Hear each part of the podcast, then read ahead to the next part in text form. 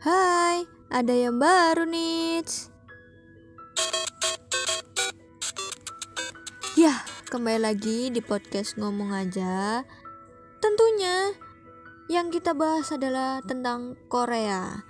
Nah, buat kalian yang dengerin podcastku minggu lalu yang hari Kamis, itu membahas tentang Korea Utara dan Korea Selatan kan? Dan aku juga menawarkan uh, apakah kalian ingin tahu tentang bagaimana bisa menjadi dua negara dan saling uh, satu sama lain tidak rukun. Nah, buat hari ini aku bukan hanya menceritakan uh, tentang bagaimana kok bisa terpecah belahnya kedua Korea ini, bukan ya? Aku lebih ke tentang uh, apa namanya apa sih yang buat berbedanya Korea Utara dan Korea Selatan? Nah yaitu ini dia. Hubungan politik Korea Selatan dan Korea Utara masih menuai keprihatinan masyarakat internasional, diakibatkan perang dingin yang masih berlanjut, bahkan akan mengguncang stabilitas keamanan negara Semenjak terjadinya Perang Korea pada tahun 1950 sampai 1953 yang meninggalkan jejak dengan pembagian dua Korea yaitu Korea Utara dan Korea Selatan. Penyebab terjadinya Perang Korea ini didasari oleh perbedaan dua ideologi yang berbeda, sehingga menimbulkan pemisahan wilayah yang dibatasi dengan garis paralel 38 derajat pada tahun 1953. Hal ini menimbulkan hubungan politik antar dua negara menjadi kurang membaik. Korea Utara dan Korea Selatan juga belum pernah menandatangani perjanjian perdamaian. Maka, secara resmi mereka masih dalam status perang. Nah, aku ada ceritanya. Gimana sih uh, ceritanya perang-perangannya di saat perang itu kok bisa sampai menjadi dua uh, dua negara Korea Utara dan Korea Selatan. Tapi nggak hari ini yang aku bawain. Jadi kita langsung ke topik pembicaraan yang awal tadi. Oke ini perbedaannya ya. Korea Utara memiliki 1.300 tentara aktif dan 600 ribu tentara cadangan. Namun, Korea Selatan memiliki 600 ribu tentara aktif dan 3 juta 100 ribu tentara cadangan. Hampir kebalikannya ya. Tapi uh, Korea Selatan lebih mengaktifkan tentaranya dan cadangannya masih banyak karena yang aku cerita Korea Selatan kan wajib uh, militer jadi dan wajib militernya cuma 1 sampai 2 tahun aja. Tapi kalau di Korea Utara sampai 5 tahun. Jadi makanya kenapa perbedaannya sangat jauh. Oke, oke, kita lanjut. Korea Utara memiliki 458 pesawat tempur dan 114 pesawat serbu dan 20 helikopter penyerangan. Namun, Korea Selatan memiliki 402 pesawat tempur, 74 pesawat serbu, 30 pesawat misi khusus, 112 helikopter penyerangan. Dan perbandingannya hampir jauh. Kalau Korea Utara tidak punya pesawat misi khusus, tapi kalau Korea Selatan dan negara-negara yang lain itu punya. Perbedaannya itu. Kita lanjut. Korea Utara memiliki 6.146 tank, 10.000 kendaraan lapis baja, 250 artileri derek, 1.500 peluncur roket. Tapi kalau Korea Selatan 2.600 tank, 14.000 kendaraan lapis baja, 3.854 artileri derek, 574 peluncur roket perbandingannya memang sangat jauh. Namun kalau dihitung-hitung itu memang masih menang Korea Utara ya. Kalau tentang tank-tank atau tentang tentara gitu menang Korea Utara. Tapi nggak uh, semuanya juga menang Korea Utara juga sih. Nah ini kita lanjut. Korea Utara anggaran pertahanannya uang atau uang uang apa sih negara itu adalah 3,5 miliar atau setara dengan 51 triliun. Tapi kalau Korea Selatan, anggaran pertahanannya itu adalah 48 miliar atau setara dengan 701 triliun. Perbandingan memang sangat jauh.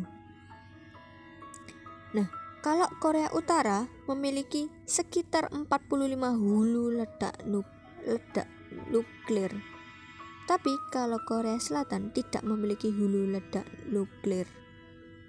Nah, makanya kenapa kok menjadi apa ya? Perbedaan antara dua negara ini.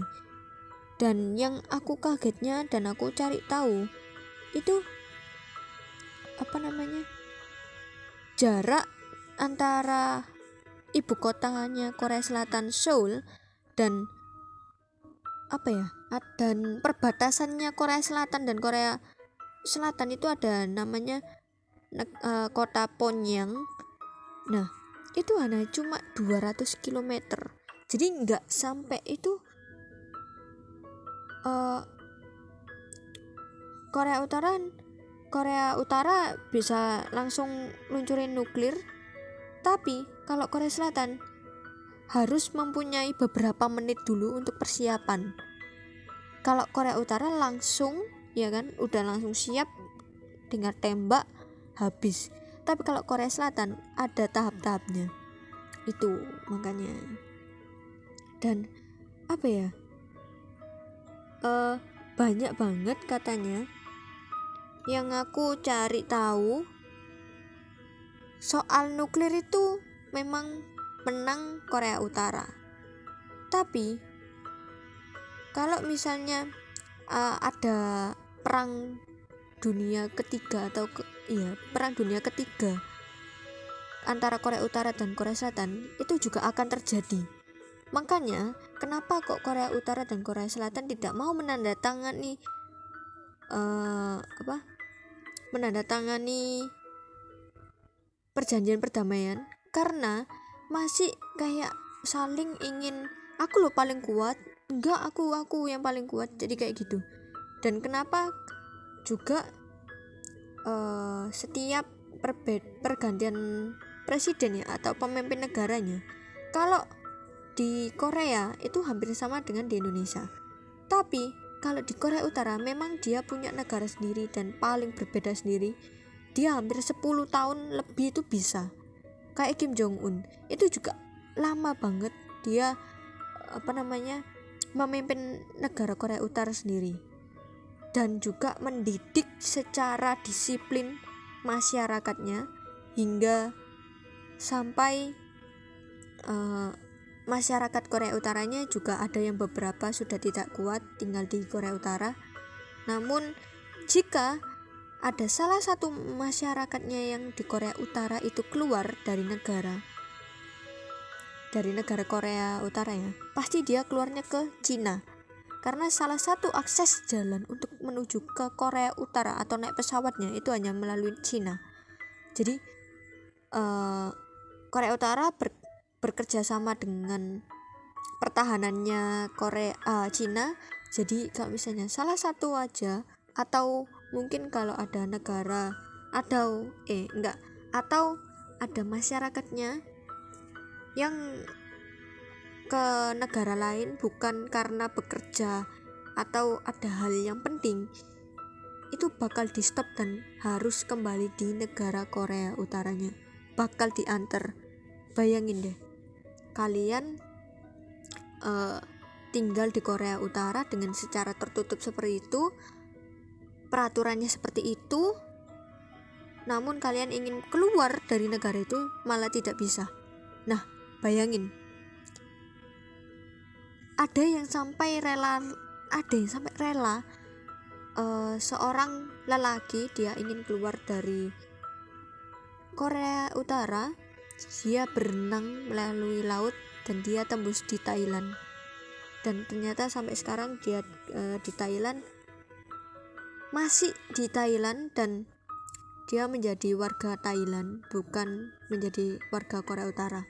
Namun jika datanya dia itu tersebar atau dicari dari negara Korea Utara dia bakal ditemukan gampang ditemukan atau mudah ditemukan dan harus kembali di negara Korea Utara. Gila gak sih? Peraturannya tuh bener-bener parah gitu loh tapi ya mau gimana lagi ya? Dia juga negaranya juga nggak percaya agama. Ya udahlah. Tapi kalau misalnya kalian uh, ingin ceritanya bagaimana sih perangnya itu di saat perang itu gimana cara merebut merebut kota-kota yang ada di Korea itu gimana sih? Kok bisa menjadi dua wilayah perbatasan ini sama ini? Itu bisa teman-teman mungkin an, mungkin minggu depan aku cari tahu dan aku sudah dapat sih konsepnya atau sudah dapat ceritanya. Tinggal aku ceritakan ke kalian di podcastnya. Oke mungkin podcastnya seperti ini. Semoga bisa bermanfaat bisa memberi motivasi dan inspirasi bagi yang mendengarkan. Ditunggu di podcast selanjutnya. Bye bye